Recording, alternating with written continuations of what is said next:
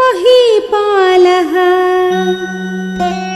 हृष्यशृङ्गम् सुसत्कृतम् प्रयच्छ कन्याम् शान्ताम् वै। विधिना सुसमाहितः।